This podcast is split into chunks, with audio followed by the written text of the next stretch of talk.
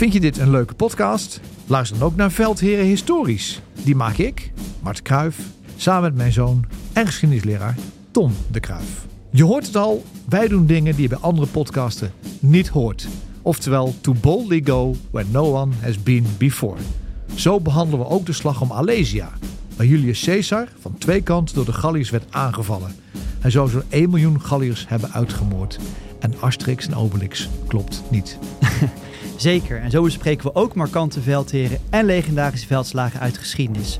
Zo kom je bijvoorbeeld te leren waarom het jaar 1870 misschien wel het belangrijkste jaartal is in de geschiedenis. Luister dus Veldheren Historisch via Podimo. En als je je aanmeldt via podimo.nl slash dan luister je 30 dagen gratis. Ben jij van plan om dit jaar te starten met beleggen? Of ben je er al mee bezig en zoek je een portie inspiratie? Wij zijn eh, Jasper en Twan, twee doodgewone maar compleet verschillende beleggers. En iedere donderdag vertellen wij in onze podcast de lange termijn over onze beleggingsreis, onze lessen en met name onze fouten.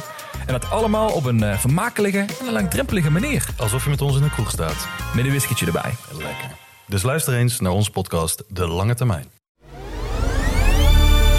Kortie Media. Veldheren is een productie van Corti Media en WPG Studios. Afdivka is de nieuwe gehaktmolen voor het Russische leger. Waarom is Rusland bereid daar zoveel verliezen te leiden? En de Israëlische bommenregen op Gaza duurt voort. Nu komt daar ook de aanval op en onder de grond bij. Hoe vecht je tegen een tegenstander in een tunnel? Dat vraag ik aan generaals buitendienst Peter van Um en Mart de Kruif. Mijn naam is Jos de Groot. Je luistert naar Veldheren. En luister vooral ook naar Veldheren Extra. Dat is onze wekelijkse extra aflevering waarin Peter en Mart veel meer vragen van luisteraars beantwoorden. Meld je aan via vriendvandeshow.nl slash veldheren. Bijna 900 luisteraars gingen je al voor. We beginnen zoals we dat altijd doen in Oekraïne. Uh, vorige week hebben we het gehad over een brugslagoperatie door de Oekraïners bij de rivier de Dnipro, bij Gerson. Hoe staat het daarmee? Nou, eigenlijk is de situatie niet echt veranderd. En, uh, de Oekraïners hebben nog steeds uh, op de uh, oever van de, van de Russische kant, zeg maar, hebben ze nog steeds ja, locaties in eigen handen op twee, drie kilometer van, van de oever af. de Russen proberen ze daar wat terug te drukken, maar dat lukt ze in ieder geval niet. Dat is ook link met uh, Afdivko, waar we het zo meteen over uh, gaan hebben. Dus uh, dat schaakspel, wie gaat nou ergens doorbreken en wie probeert om de reserves van de tegenstander ja. op de plek te hebben waar je ze wilt hebben. En vooral ook op de plek te hebben waar je ze niet wilt hebben, om ze daar weg te halen. Ja, want er wordt bij Afdivka onverminderd hard gevochten. Er gaan heel veel Russische militairen sneuvelen daar. Um, waarom, waarom is het zo'n hard gevecht vanuit de Russische kant? Waarom worden daar zoveel mensen uh, de dood ingejaagd om maar om dat dorpje te blijven vechten? Kijk, intensiteit is ongelooflijk groot wat daar gebeurt. En de theorie, en volgens mij hebben we het vorige week ook al kort aangestipt, dat de Russen nieuwe eenheden hebben opgericht met nieuw materiaal en nieuwe mensen. En ze proberen daarmee het initiatief, zoals wij dat noemen, naar zich toe te trekken. Dus als je kunt doorbreken bij Afdivka, dan dwing je Oekraïne om zijn reserves daarheen te gaan brengen dat is ook wel gelukt. In, ieder geval zijn ze verrast, Oekraïners, dat ze daar werden aangevallen. Maar we zien dat tactisch op de grond, dat er heel weinig vakmanschap zit. Dat die aanvallen niet professioneel worden uitgevoerd. Wel massaal, maar verkeerd gebruik maken van het uh, terrein.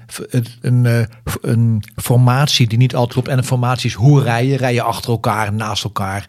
Hoe doe je het gevecht van verbonden wapens? Dus hoe, hoe ga je de artillerie afstemmen op jouw genie die over die hindernissen moet? Met je tanks en je infanterie. Ja, dat is echt een vak, dat moet je leren.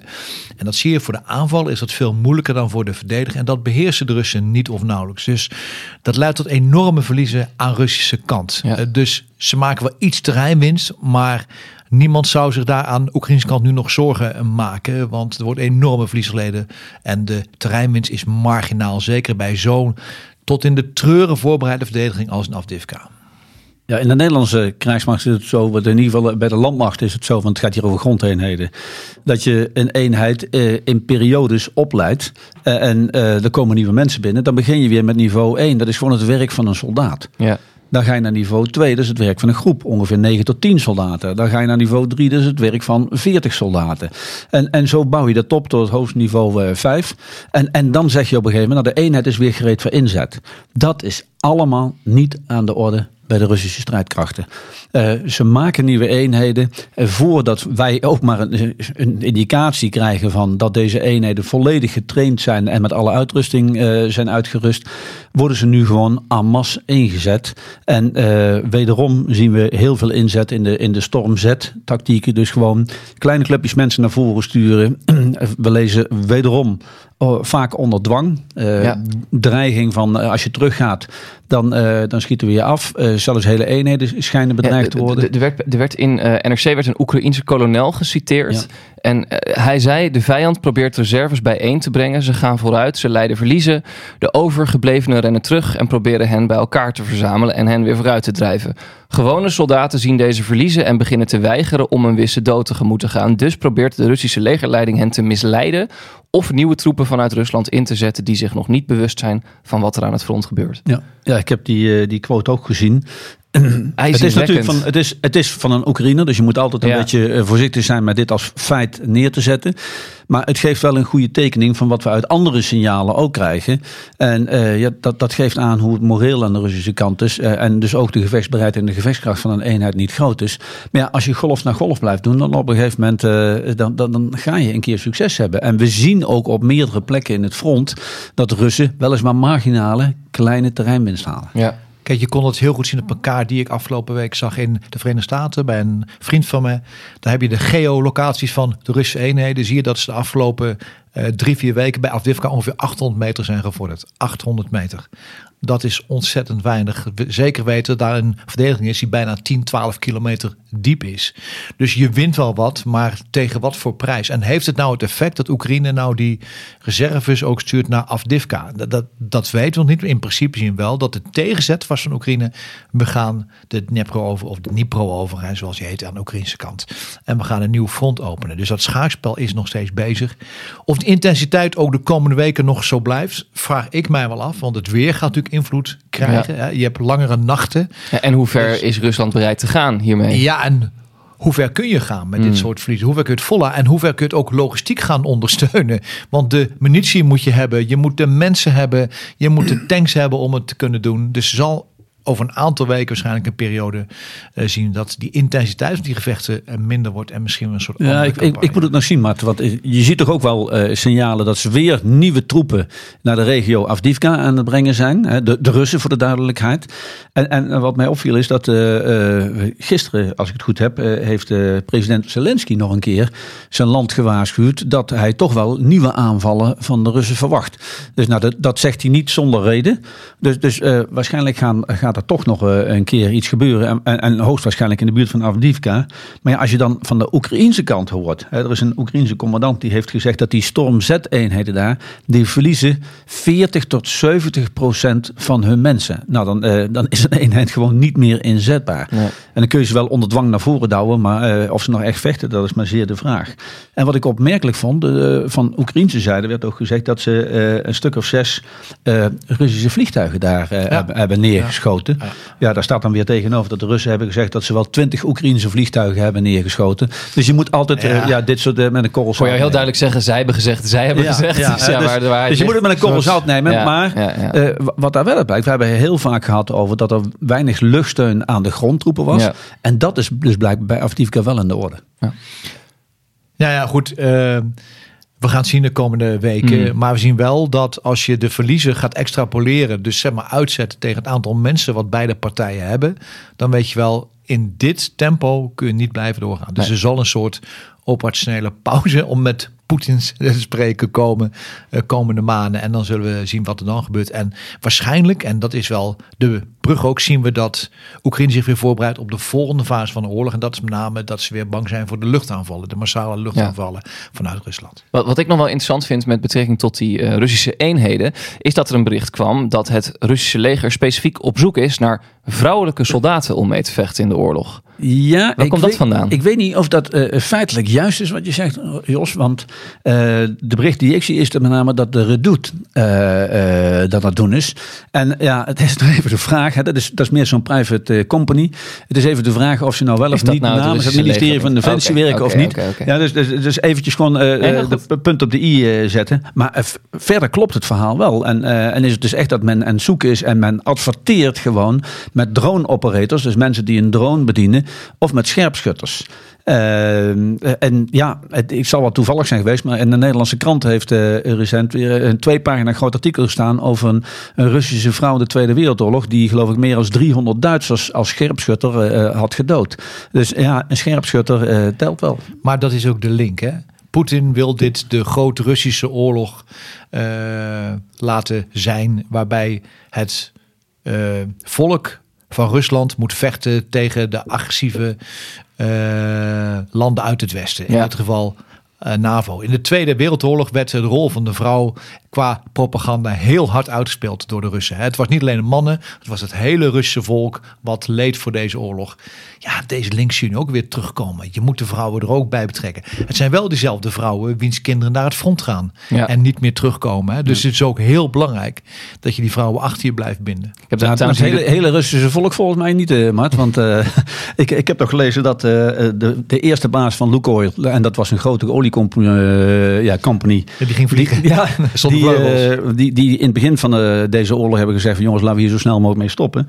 Ja, die eh, heeft in een ziekenhuis eh, het raam gevonden Ja. en is eruit gevallen. Ja, ja. En zijn opvolger heeft nu opeens vrij onverwachts een hartaanval gehad. Dus niet alle Russen doen mee. eh. Het is niet gezond. Ik heb trouwens hier het, het, het bericht er stond inderdaad. eh, Russische media schrijven dat het leger vrouwen traint voor functies als sluipschutter en dus ja. het zal. Nou en dat is de eh, link met eh, de geschiedenis. ja. Eh, ik vond het ook interessant om het even aan te halen, omdat wij natuurlijk een tijdje terug een, een aflevering hebben gemaakt over vrouwen in oorlog. En daarover kregen we een hele mooie luisteraarsmail van Eva. En ik zal er even een stukje uit voorlezen. Zij schrijft ons: Hoe graag ik ook naar de veldheren luister, ik heb soms wat moeite met de opstelling van de generaals ten aanzien van de positie van vrouwen, ook in het leger. Bij de aflevering waar het hier meer over ging, lag de nadruk toch geregeld op bijvoorbeeld de fysieke kracht. Uh, maar er is ook nog mentale kracht. Uit mijn diensttijd weet ik dat dit juist veel bepalender kan zijn. Stress vraagt veel van een lichaam en beperkt je denken, terwijl je rust bewaren en een uitweg vinden veel effectiever is. Ik herinner me uit mijn diensttijd dat de fysiek fitste persoon bijvoorbeeld ook de kaart had, wat hij helemaal niet goed kon, dus toen liepen we om. Had mij die kaart gegeven en we waren in een rechte lijn naar het doel gegaan. Ik kon het me namelijk fysiek helemaal niet veroorloven om kilometers om te lopen, dus ik had het kaartlezen eh, dus ik had de kaart leren lezen, maar helaas. Eh, herkenbaar, zo'n opmerking? Nou, als, als dat de indruk is die wij hebben gegeven, dan, dan spijt mij dat zeer. Eh, want dat is in ieder geval niet mijn mening over de vrouwelijke krijgsmacht. Ik heb echt fantastische vrouwelijke collega's meegemaakt die verdomd complex, moeilijk, emotioneel en soms fysiek zwaar werk deden. En daar kan ik alleen maar diep respect voor hebben. En ja, ik, ik, ik krijg weer een glimlach op mijn gezicht als ik weer terugdenk aan het moment dat ik eh, eh, een grote commando bij de test voor de luchtmobiele brigade zag. Eh, die moest drie keer een touw inklimmen. En daarna stond een vrije vrouwelijke sergeant. En ik wist dat ze turnkampioene was geweest van, van Gelderland, geloof ik. En ja, die, die, die jonge meid die was al klaar met de drie keer klimmen. En die commando die stond nog te worstelen. Dus fysieke kracht zegt niet alles. Behendigheid helpt soms ook. Ja. En, en gewoon je, je mentale instelling helpt natuurlijk ook. En zo'n opmerking dat de fysiek sterkste persoon hier de kaart had, terwijl deze vrouw zegt van ja, had mij het even laten doen. Ja, dat doet me denken aan eh, Band of eh, Brothers. Die Mhm. ik net in het eh, vliegtuig terug heb gekeken. De eerste aflevering waarbij ze een kapitein hebben. Sobol, die alleen maar fysiek bezig is. En die mannen afknijpt als een gek. En op een gegeven moment komen ze in Engeland en moeten ze gaan oefenen. En hij kan geen kaart lezen. Alles gaat fout. En de mannen die vertrouwen het niet. Dus ja, nee, maar het is waar. De mentale kracht van vrouwen, zeker in een team, is cruciaal. Daar weten we alles van. Hebben we ook proberen over te dragen vorige keer. Het is ook waar dat er ook grens liggen aan de fysieke belastbaarheid van mensen. Dat geldt binnen mannen zelf. Gaat ook tussen mannen en vrouwen. Er is helemaal zo. Daar moet je ook rekening mee houden. Maar dat wil niet zeggen dat de vrouw geen waarde heeft. Nee, heeft juist een andere specifieke toegevoegde waarde aan de krijgsmacht. Ja. Hey, en als we eh, nog even naar Oekraïne, was een interessant bericht waar jij op- ons op wees, eh, Mart, dat de Amerikanen zich bezighouden met de luchtafweersystemen. Hoe zit dat precies? Nou, de grootste zorg voor Oekraïne is dat ze weer een winter krijgen waarin ze massaal worden aangevallen vanuit de lucht door de Russen. hè. Russen maken de eigen drones, die passen aan. Hebben we vorige week over eh, gehad. Ze hebben nog een luchtwapen, een luchtmacht die nog heel erg groot is. Dus Oekraïne is vreselijk bang dat ze weer zo'n campagne over zich heen krijgen waarbij de energievoorziening wordt aangetast, maar ook de command and control, dus de, de leiding van het leger en de logistiek van het leger. Wat hebben ze nu? eh, proberen ze te doen althans, is al die systemen die ze hebben, dat zijn er een heleboel. Hè? Je hebt Duitse systemen, Franse systemen, je hebt Amerikaanse systemen en je hebt oude Wasjerpak systemen, Russische systemen. En die zijn allemaal werken die op zichzelf eigenlijk. Die hebben een radar, noem dan een sensor, die gaat kijken waar is het vliegtuig en dan schiet die af. Hoe mooi zou het zijn als je die aan elkaar kunt koppelen, dat je één luchtbeeld bouwt, zo noemen we dat, één luchtbeeld. Want dan bouw je een luchtbeeld, dan weet je precies wat er binnenkomt en dan kun je ook kijken, oké, deze vliegt zo hoog, deze vliegt zo hard, dan kan ik dat middel daar het meest slim op inzetten. Maar dan moet dus al die systemen aan elkaar koppelen. Nou, dat is een a job. En nu zijn er berichten, New York Times, Pentagon, dat ze in staat zijn geweest om een aantal grote Russische systemen voor de vakluiden SS-200, SS-300 te koppelen aan bijvoorbeeld de Patriots. Nou, als je dat kunt, dan ben je dus veel efficiënter in je luchtverdediging. Dat is geen gamechanger, maar wel een interessante ontwikkeling dat je dat kunt. Ja, en, en Mart eh, Zelensky heeft eh, een paar dagen terug al in een in zijn toespraak aan het volk, heeft hij ze eigenlijk al mentaal eh, ja, voorbereid op een nieuwe Russische, wat hij noemde wintercampagne, eh, waarbij dus de, de, eigenlijk gericht wordt op de Oekraïnse samenleving. Dus eh, ja, zij zullen ongetwijfeld informatie hebben dat dit weer gaat Ja, gebeuren. Want Peter, jij wilt nog even stilstaan bij, bij, bij een paar opvallende uitspraken van, van, van hoofdrolspelers in dit conflict. Zelensky natuurlijk, Lukashenko, president van Ja. Belarus. En Ja. Ook Shoigu, de Russische minister Ja. van Defensie. Ja, want eh Shoigu is eh, in China op bezoek geweest bij eh, zijn vrienden. En die houdt dan een toespraak waarbij hij zegt dat Rusland alleen nucleair gaat bij een existentiële dreiging. Ja, dat is dus precies wat de Chinezen willen horen. Ja, dus die bedient ze daar dat en passant Rusland eh, net een oefening heeft gedaan. waarbij ze een nucleaire aanval op hun eh, eh, simuleerden. en hun reactie erop neerzetten met ballistische raketten en kruisraketten. Dat is, ja, dat is dan de spierballentaal die aan de ene kant laten zien. Maar Shoigu aan de andere kant stelt de Chinezen wel weer gerust. En, en, in die zin misschien ook wel hopelijk de hele wereld.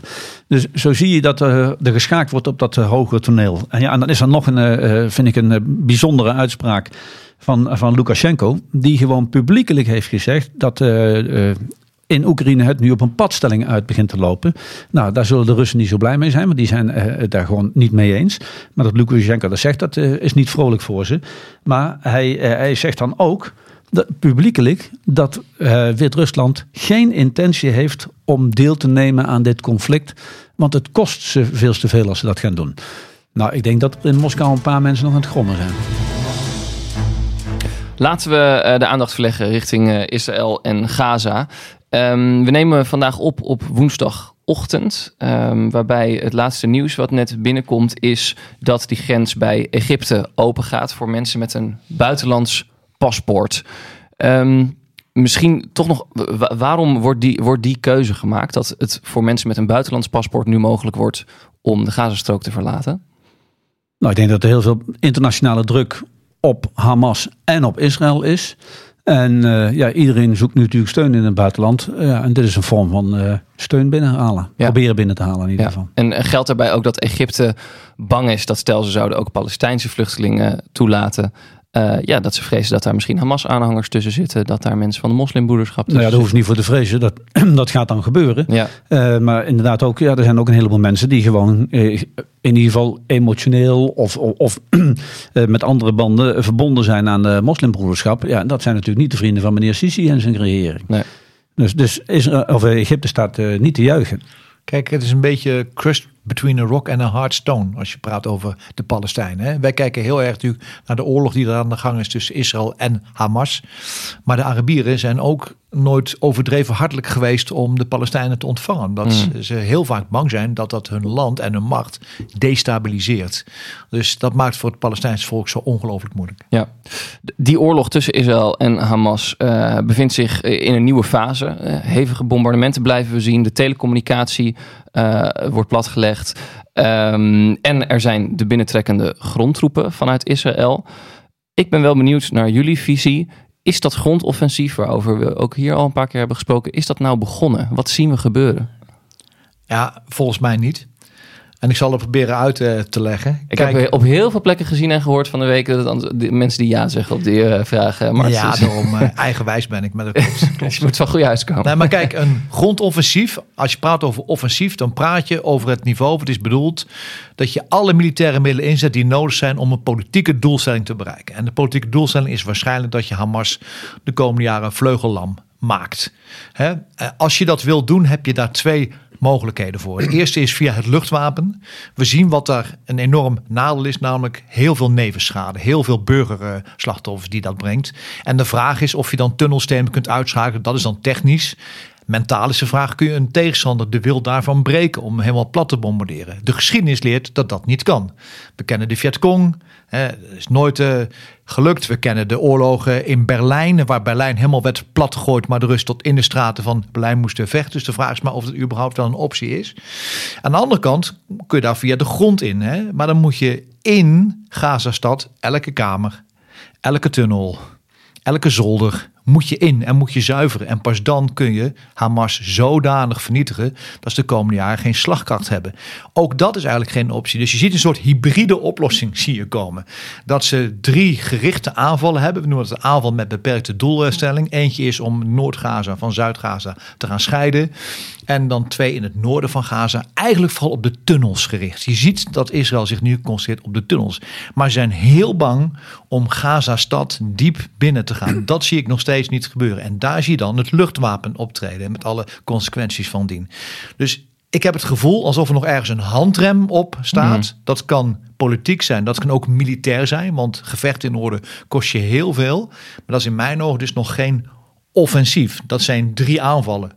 Maar daarmee ga je de politieke doelstelling niet bereiken. En ik denk, als je even uitzoomt, het grote dilemma voor de Israëlische commandanten der strijdkracht is, zeg maar, hoe kan ik die politieke doelstelling vertalen? Want potverdikkie, dat is wel een uitdaging. Ja, ik denk dat voor militairen eh, ben ik het met Maart eens. Maar voor ieder ander is dit een semantische discussie. Eh, hij gaat, gaat er helemaal nergens over. Je zult die burger in Gazastad maar zijn. Je zult die Hamas-strijder maar zijn in Gaza. Je zult die Israëlische eh, soldaat zijn die eh, Gaza in moet trekken. Dan maakt het je geen moer uit of het nou een offensief of een aanval is. Je probeert allemaal te overleven. Dus dat, dat moeten we eh, wel goed begrijpen. En uiteindelijk, ja, eh, ik ben het met Mart eens. Wat is nou die politieke doelstelling? En eh, aanvankelijk is er heel nadrukkelijk door Netanyahu en zijn regering gezegd... we gaan Hamas eh, eh, gewoon vernietigen. Eh, nou, daar hebben we al eerder van gezegd dat dat, dat gaat je militair niet lukken. Eh, dus je ziet ook dat de regering er een existentieel conflict van maakt. Hè. Het gaat echt over de bestaanszekerheid eh, van het Israëlische land en het Israëlische volk. Zo, zo zetten ze het neer. En daar halen ze een stuk rechtvaardiging uit om er dan maar klappen vooruit te delen. In, de loop van afgelopen week zag ik opeens dat er veel werd gezegd door de Israëli's. We, moeten, we moeten winnen. Kijk, en winnen is een meer flexibele term dan we vernietigen Hamas. En ik begon hoop te krijgen, totdat Netanyahu van de week weer zei... nee, we gaan Hamas boven en onder de grond eh, en in en buiten Gaza vernietigen. Oh, wacht even. Dat is een andere doelstelling. Buiten Gaza. hè, eh, dus daar werd een nog grotere doelstelling stilletjes geformuleerd, om het maar even zo te zeggen, stiekem geformuleerd. Eh, ja, en eh, de militairen puzzelen natuurlijk hoe dit moet met zo min mogelijk slachtoffers eh, eh, aan hun kant. Eh, en, en dat wordt, ja, daar ben ik met Mart zeer mee eens. Dat, dat wordt een hele moeilijke. Kijk, Ja. als, je, als je gewoon sec kijkt naar de aantallen. Ik ben het overigens helemaal eens hoor met Peter. Want de perceptie van, eh, van, van ons, militair, is natuurlijk vaak anders dan van Ja. burgers. Maar wij zitten hier vooral om het militair te gaan duiden. Maar je ziet dat nu ongeveer tussen de 3 en 8.000 Israëliërs zijn ingezet. Ze hebben er 300.000 gemobiliseerd. Dat geeft even de verhoudingen weer met wat we nu eigenlijk zien en zien gebeuren. Dus daarom ben ik nog heel terughoudend om te zeggen... dit is het absolute grondoffensief. Maar ik begrijp heel goed dat als je daar zit Ja. dat het stickertje niet uitmaakt. Hè? En Dat is waar we het over hebben. Ja, en je ziet dat eh, van Israëlische zijde men stapsgewijs de escalatieladder opgaat. Eh, en dat doen ze volgens mij heel bewust om zoveel mogelijk kans te houden om gijzelaars vrij te krijgen. En de internationale druk en internationale reacties in de hand te houden. En dan eh, heb ik het over de internationale reacties van eh, de degenen die nog positief zijn over Israël. Maar ik heb het ook over de internationale reacties van hun tegenstanders. Want door die stapjes te maken hopen ze natuurlijk ook dat Iran zich een beetje gedijst houdt. En dat Hezbollah zich ook nog enigszins gedijst houdt. Maar ja, als je dan. We kijken vooral nu naar Gaza. Maar als je dan kijkt wat er weer op de Westoever gebeurt. Ja. Ja, dat, dat, daar gebeuren ook uh, verschrikkelijke Als we even inderdaad kijken naar die westelijke Jordaan-oever. eh, NRC schrijft dat daar al meer dan 100 Palestijnen zijn vermoord bij invallen van het Israëlische leger en ook door geweld van kolonisten. Ja, hoe, hoe, moet ik dat nieuws dan lezen? Ja, ik denk dat de kolonisten nu hun kans uh, schoon zien. En uh, laten we niet vergeten dat er uh, meerdere ministers in de regering zelf als kolonist op de, op Ja. de Westoever wonen. Ehm, en de kolonisten zien nu hun kans. De aandacht was even van hun af.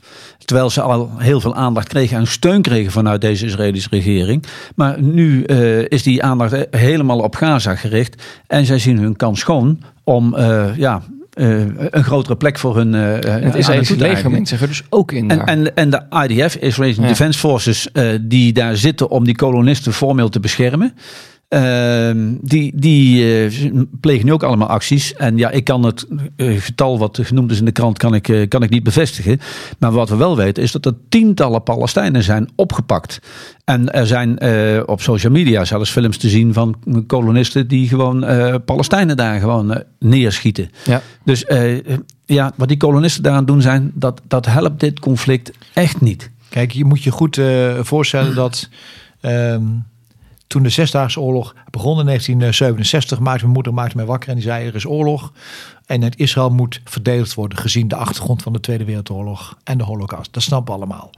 Ik denk dat Israël soms wel eens onderschat wat de impact is van het feit dat je niet meer jezelf verdedigt, maar jezelf steeds aan het uitbreiden bent. En dat is het probleem wat Israël intern heeft natuurlijk. Dat je een grote scheiding krijgt tussen uh, de ultra-orthodoxe Joden die die expansie hebben uh, en dat ook willen doen, kosten wat het kost. En het Israëlische volk anderen die daar niet in geloven, die meer seculier zijn qua geloof en zeggen, nou, luister, we moeten toch, à la Yitzhak Rabin, 30 jaar na de Oslo-akkoorden, er komt geen oplossing zonder vrede met de Palestijnen. Er komt er geen oplossing. En het probleem dat Israël intern verscheurd is, ja, dat gaat de komende weken en maanden nog een grote rol spelen. Niet nu, omdat eerst die oorlog met Hamas moet worden afgemaakt, maar daarna gaat binnen Israël echt een polemiek ontstaan. Wat is er gebeurd? Ja. En hoe kunnen wij de toekomst gestald geven? Want we weten, we voelen eigenlijk allemaal aan dat er militair geen oplossing is Ja, in ik, dit ik, conflict. ik zag uh, vanochtend nog even, toen ik snel even keek, dat uh, er blijkbaar een onderzoek was geweest in Israël, waarbij uh, bijna 50% van de bevolking toch Ja. wat gematigder is geworden dan de eerste dagen van de oorlog. Ik, ik hoop van ganse harte dat, dat, dat die trend zich doorzet. Maar als de hardliners aan beide kanten het voor het zeggen blijven houden, dan ga je er niet op een vreedzame manier uitkomen. En dan heeft net een jaar gelijk. Het gaat minstens een jaar zo niet langer duren. En misschien, maar, en dat is geen feit, hè, dat is uh, Marten die hier uh, wat vindt, is, uh, is het succes tussen aanhalingstekens van die inval van Hamas, mm. die eigenlijk zo exceptioneel was, heeft geleid tot een reactie van Israël die ook exceptioneel is. En eigenlijk zitten beide partijen nu met een oorlog die zo intens is, waar je me afvragen, hebben ze dit achteraf beide wel zo gewild? Of zijn ze erin gerommeld door dit soort dingen?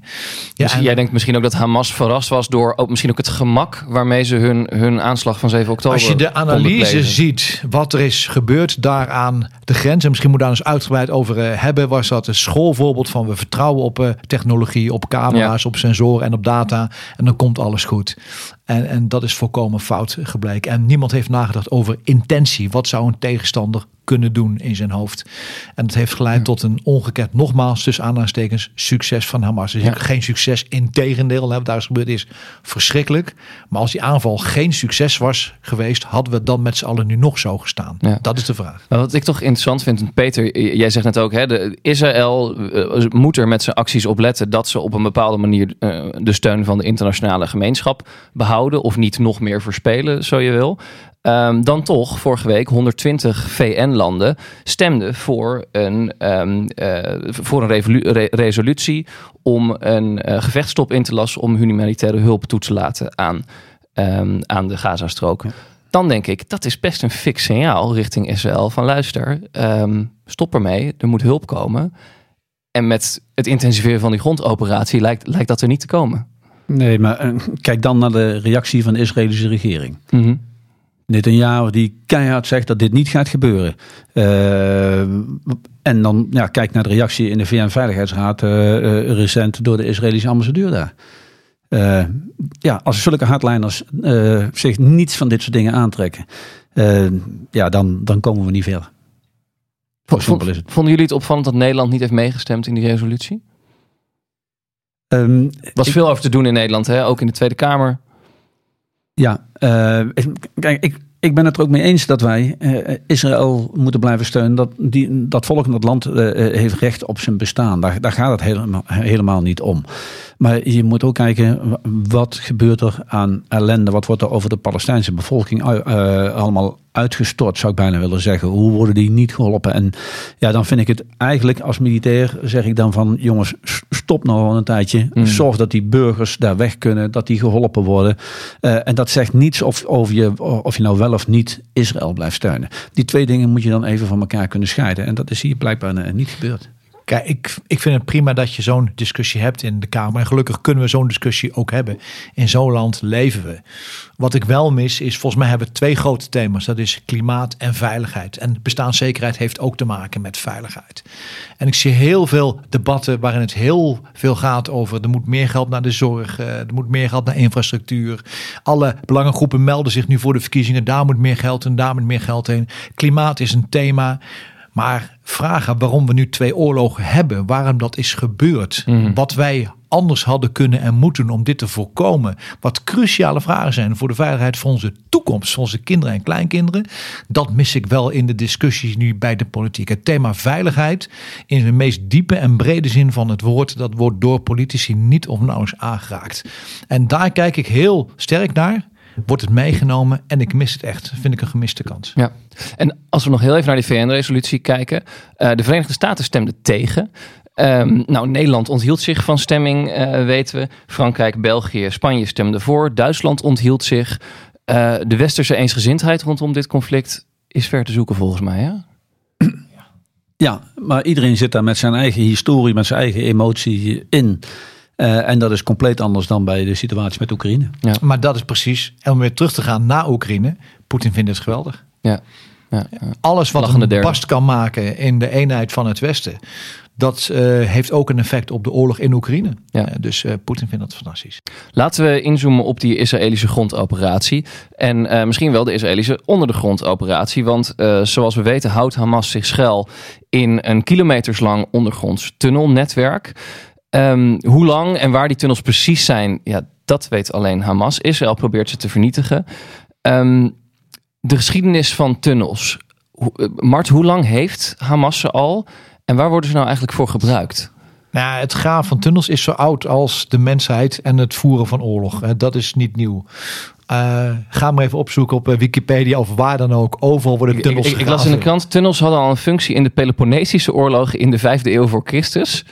Ik weet niet of, je, of jouw eh, geschiedenisboekje zo ver terug gaat, Mart, maar ehm, waarom is het zo'n effectief middel? Of is het een effectief middel? Dat vul ik ook maar in nu. Ja, eh, kijk, ehm, je vecht niet alleen op het land en soms in de lucht, maar ook onder de grond kun je ook vechten, kun je heel effectief zijn.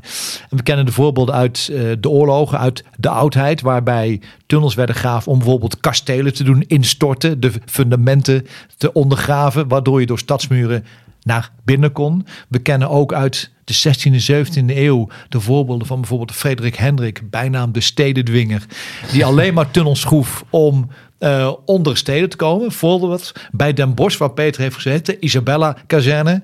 Hè, er werd belegerd door Frederik Hendrik tegen de Spanjaarden. En hij heeft daar een enorme tunnel laten graven.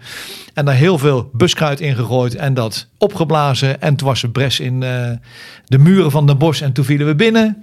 Eh, het is altijd zo gegaan. Hamas gebruikt dat vooral omdat ze weten, daar kan de Israëlische luchtmacht niet al te veel tegen doen. Hoe dieper je de grond in gaat, des te onkwetsbaarder je bent. En kun je eigenlijk je Dus kunnen het niet zien. Ze Met kunnen het zien. En Nee, is er geen, is er geen enkele manier voor? Dat ver- verbaasde mij eigenlijk. We hebben zoveel slimme technologie. Maar maar het, past, het past natuurlijk in wat wij al veel vaker hebben gezegd vanuit militaire hoek. Eh, eh, verrassing, probeer die ander te verrassen. En je wordt aangegrepen daar waar je het zwakst bent. Eh, dus eh, dat, dat doe je met die tunnels. Ehm, en dan, ja, je kunt eh, proberen die tunnels te vinden eh, door te kijken of je de ingangen kunt vinden en de uitgangen kunt vinden. De, je kunt met een eh, ja, gronddoorborende radar kun je wel iets in de grond kijken. Je kunt met de akoestische signalen kun je luisteren of er in, onder in de grond wat aan de hand is. Maar het blijft heel moeilijk om ze te vinden. En wat- Maar probeer je in te denken. Je moet zo'n tunnel in. Mhm. hè? Dan moet je 20 meter naar de diepte in. Ja. Je kunt wel moeilijk ademen. Je hebt veel bij. Het is pikdonker. Op het moment dat je 20 meter loopt, weet je niet meer waar je bent. Dan kun je niet meer aangeven, ik zit daar of ik zit daar. Het coördineren, het navigeren, het weten wie links en rechts van me zit, is bijna onmogelijk. En je ziet het, klassiek voorbeeld, Hamas wil vechten op zijn voorwaarden. En dat is dan in de tunnels, want daar is de technologische voorsprong van het Israëlisch leger, gaat eigenlijk weg. Dat is het voordeel wat ze daar hebben. Vandaar dat volgens mij Israël nu ook zo gefocust is op die tunnels, om die elk geval een aantal jaren zo te decimeren dat ze niet meer kunnen worden gebruikt voor ze nu werden gebruikt. Maar het vechten in die tunnels zelf, dat is echt iets wat aankomt op niet alleen vakmanschap en leiderschap, maar ook de moraliteit. Wat is jouw motivatie om te kunnen vechten in dit soort omstandigheden? Ja, dat is ongelooflijk moeilijk. Je, je kun je niet eens indenken wat je dan tegenkomt. Ik, ik geloof toch niet dat ik graag de militair zou zijn die eh, voorop gaat. Nou, ik, eh, ik denk dat er geen militair echt staat te juichen. Eh Mart en ik hebben best wel eens eh, eh, in verstedelijke gebieden geoefend van hoe werkt dat nou, gevechten in, in, in steden. Eh, we hebben in Nederland op het Lauwersmeer hebben we zelfs volgens mij één of twee tunnels eh, in ons oefendorp Riolen liggen. en tunnels. Ja, riolen en tunnels zeker. liggen. Ja. Maar dat gaat niet tot 20 tot, tot 60 meter diep. Dat is, en, dat, en dan hebben we het over tientallen meters hooguit. Hier gaat het dus over honderden kilometers. En eh, ja, maar het zijn al, eh, de technisch-logische voorsprong van de Israëli's, die valt dan weg. Dat, dat gaat dus ook op de enkele man. Niet alleen over grote systemen en dergelijke. Maar daar waar de Israëli's veel meer normaal gesproken nachtzichtapparatuur hebben. Ja, gewoon zo'n camera of zo'n ding op je helm of op je wapen. Ehm, dat, Waarom, Ja, werkt, dat waarom dat- werkt nachtzicht niet onder de grond? Omdat je, je hebt geen restlicht. Het is gewoon eh eh, stikdonker daar. Dus het is heel moeilijk om, om dat te, eh, het licht wat de rest ligt te versterken. Ja. Eh, de- dus daar maakt het heel moeilijk. Je, je, je radioverbindingen vallen uit. Dus het is echt man tegen man uiteindelijk. Oké. Hierover, mag ik naar een luisteraarsvraag Ja, gaan, ja. Mart? Want het gaat over jullie eigen ervaringen. Maar Maarten Vreeburg die schrijft... hebben de veldheren op hun missies en uitzendingen... zelf ervaring opgedaan met acties tegen ondergrondse tegenstanders? En zo ja, welke lessen zijn daaruit getrokken... door de Nederlandse of door westerse strijdkrachten? Nou, in eh, Afghanistan hadden we grote onderwater, eh, nee, onderaardse rivieren en riviercomplexen. Waarvan wij wisten, Taliban die gebruikte die voor een logistiek als schuilplaats, als plek om bermbommen te gaan maken. Dus daar zijn we diverse malen ingegaan. Dat zijn acties die werken ongelooflijk veel voorbereiding. En om het heel simpel te houden, je moet isoleren waar je naar binnen wil, zodat niemand meer in en uit gaan. En je moet heel goed voorbereiden hoe je daarin gaat. En eigenlijk is dat een gevecht van de infanterist, hè, van de man met de pioschop en de rugzak en het lunchpakket. Want aan al je andere middelen heb je, heb je eigenlijk niks. Dat maakt het zo moeilijk om daarin te gaan. Ja, overigens even, Peter, hè, restlicht, voordat we weer vragen erover krijgen. Warmtebeeld kun je wel gebruiken. Ja, warmtebeeld wel warmtebeeld maakt gebruik tussen eh, verschillen in temperatuur, dat wel. Ja. Maar een heleboel nachtoptie kun je niet eh, gebruiken. Ik, ik denk dat een associatie die veel mensen hebben met vechten in tunnels, dat dat eh, de Vietnamoorlog is. Daarover krijgen we ook een vraag van luisteraar Jan-Willem Wits. Eh, hij schrijft ons, ik ben wel benieuwd naar verschillen en overeenkomsten met de oorlog in Vietnam. Hoe zijn de Amerikanen destijds omgegaan met eh, de tunnels van de Vietcong? Nou, niet bijster succesvol, eh, als ik het me goed Nee, en herinner. ze hadden net als de Israëli's daar een, eh, specifieke eenheden voor. Mhm. Eh, maar het liefst, en dat is dezelfde keus die de Israëli's nu ook hebben. De Amerikanen hadden een keus. Of je vernietigt ze, of je verovert ze. En iedere militair zal, als het even kan, voor het eerste gaan. Vernietigen. Want je weet dat veroveren heel erg moeilijk is. En dat, eh, en dat zie je eh, dus nu in Israël ook gebeuren. Dat ze eh, in eerste instantie gewoon bezig zijn met het vernietigen. Ja. en, dat, en dat heeft ook te maken in Israël met gijzelaars die mogelijk in die tunnel zitten. Ja. Nou, dat was in Vietnam minder aan de orde. Dus uiteindelijk gingen toch eenheden die vooral wat kleinere mannen hadden. Ja, al die Amerikanen waren te groot, toch, voor die gangen? ja, ja. Dus, dus ze zochten echt naar kleinere mannen, de tunnel Eh, en, die gingen er dan in. Maar ik ben blij dat ik nooit bij die eenheid gediend heb. Overigens werden de tunnels ook wel offensief gebruikt. Hè. En Scholven dan is natuurlijk in de Eerste Wereldoorlog. Waarbij ze complete compagnieën van zeg maar 100 man of bataljons van honderden mensen. Dat waren mijnwerkers. Die kwamen uit Wales of die kwamen uit Oost-Duitsland of uit Polen. Wat we nu Oost-Duitsland zouden noemen. Toen natuurlijk heet dat anders. Eh, en die gingen niks anders dan mijngangen graven. En die gingen ook tegen elkaar graven om te kunnen luisteren onder de grond waar de ander aan het graven was. Waarom deden ze dat? Omdat ze door die loopgraven kwamen. En dat iemand, weet je, als ze nou mijnen graven onder die loopgraven, die douwen vol met buskruid, zeg maar, met explosieven. En die laten losgaan op het moment van het offensief. Dan kunnen we zo door die loopgraven heen. En dat hebben ze ook gedaan. Dat is ook een bizarre oorlog geweest als je daarover gaat nadenken. Bijvoorbeeld de Slag aan de Somme, 1916. Er zijn eh, 19 kraters zijn daar gemaakt. 19 tunnels zijn daar gegraven. En er ligt er eentje bij. Dan praat je over een gat van 30 en 70 meter. Hè? 70 meter breed, 30 meter diep. Er zijn naar schatting in één explosie 10.000 Duitsers zijn daar gesneuveld in de loopgraven. Kun je niet voorstellen. Bij Yper in 1917 zijn er ook weer 19 gemaakt. Zijn er maar 14 afgegaan, overigens bij de slag in Yper in 1917.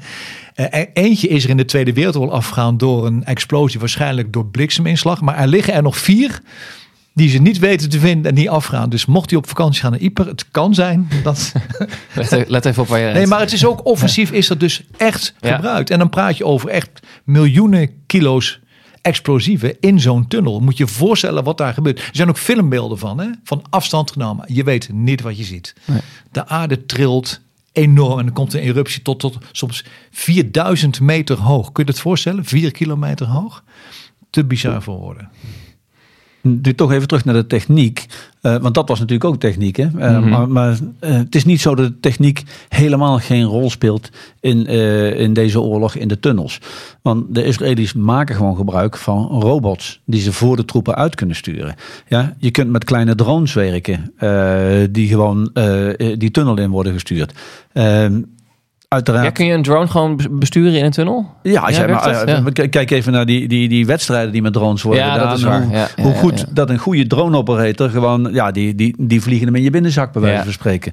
Eh, dus, dus dat kan. Nou, die kan dan aangeven wat je voor je aantreft. Eh, die kan desnoods ook nog een klein explosief meenemen. Want ja, in die kleine ruimtes heb je niet veel, veel knallen nodig. Dus dat, dat, dat soort middelen zijn eventueel wel gebruiken. Er is ook nog iets over schuimgranaten of zo? Ja. Maar even over die drones. Hè. Ja. Na 20, 30 meter, als je de hoek omgaat, ben je hem wel kwijt. Hè. Als je geen verbinding hebt Ja. of Ja, geen oh ja. GPS, dan ben je hem wel kwijt. Dus het is allemaal op korte afstand. Het is Ja. allemaal moeilijk. Ja, dan heb je, eh, eh, Jos noemt hem al de schuimgranaten. De Israëli's hebben dus eh, iets ontwikkeld. En ja, ik, ik probeer het maar simpel. Spongebombs ja, zijn het ja, toch? Ja, Ja, dus niet, sorry, niet. Spongebob, maar Spongebombs. De- en, en, en ik, ja, je moet het een beetje zien als een soort twee componentenlijm. Eh, maar dan een groot formaat. Heb je nou, ben je nou aan het voorwaarts gaan en je komt op een zijingang en je wil geen ja, invloed hebben van die zijingang op jouw operatie, dan zetten ze zo'n ding in die zijingang neer, trekken aan een touwtje of drukken op een knop. En dan komen er twee vloeistoffen bij elkaar. Die zorgen dat er een heel snel dat gat wordt opgevuld met een soort schuim wat snel hard wordt.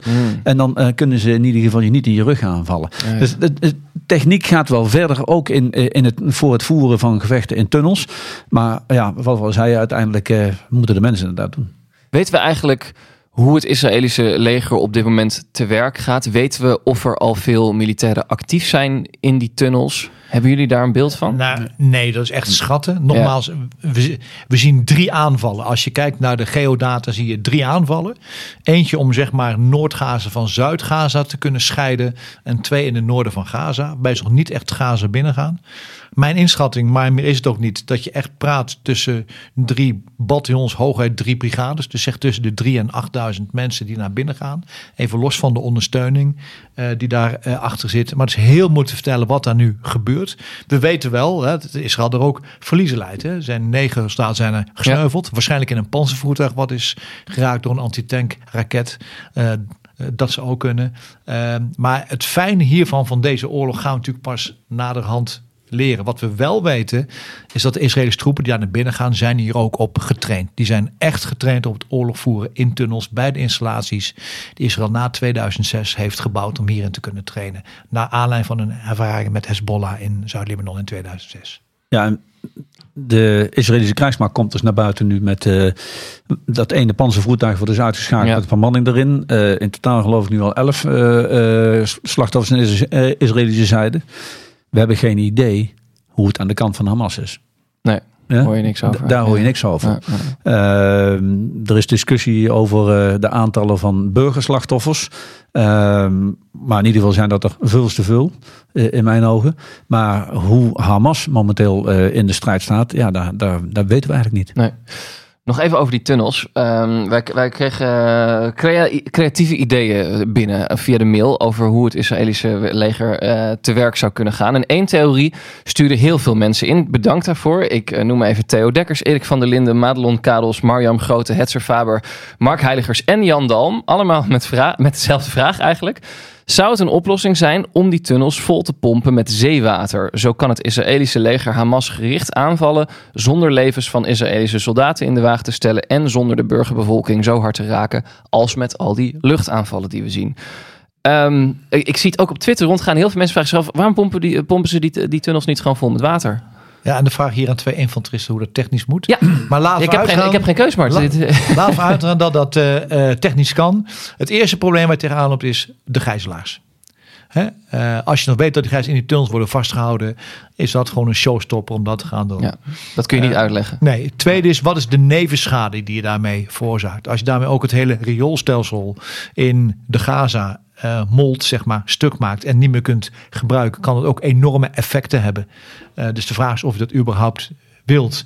En de derde is, hoe lang heb je hiervan een effect? Wat is het effect wat je hiermee bereikt? Ja, je kunt tijdelijk de toegang van die tunnels kun je ontzeggen aan Hamas. Maar kun je ze dan ook nog vernietigen? Hoe lang is dit geldig? Hoe lang heb je hier een effect van? Eerlijk is, dat weet ik niet. Dat weet ik niet. Nou, ik ben geen ingenieur, maar ik heb toch wel eh, twijfels bij de technische uitvoering. Want eigenlijk wordt hier gevraagd om een nieuwe soort bijbelse zondvloed, maar dan onder de grond. Ehm, dus ja, ik, ik- we, hebben, het over, wat is het, eh, tegen de 500 kilometer eh, tunnel. Ja, hoeveel water heb je Hoe- nodig? Nou ja, hoe, hoe krijg je al dat water erin? Ehm, eh, en dus ja, ik, ik heb er ernstige bedenkingen bij. Slaapgas wordt ook geopperd. Heb ik ook voorbij zien komen. Kijk, kijk, gas is een groot probleem. In de, we hebben het even gehad over eh Somme en Yper. Het grote probleem was dat de Duitsers op de hoge rand zaten en die moesten naar beneden graven, tunnels, en de Britten konden omhoog graven. Gas wat ze daar gebruikten, zakt omlaag.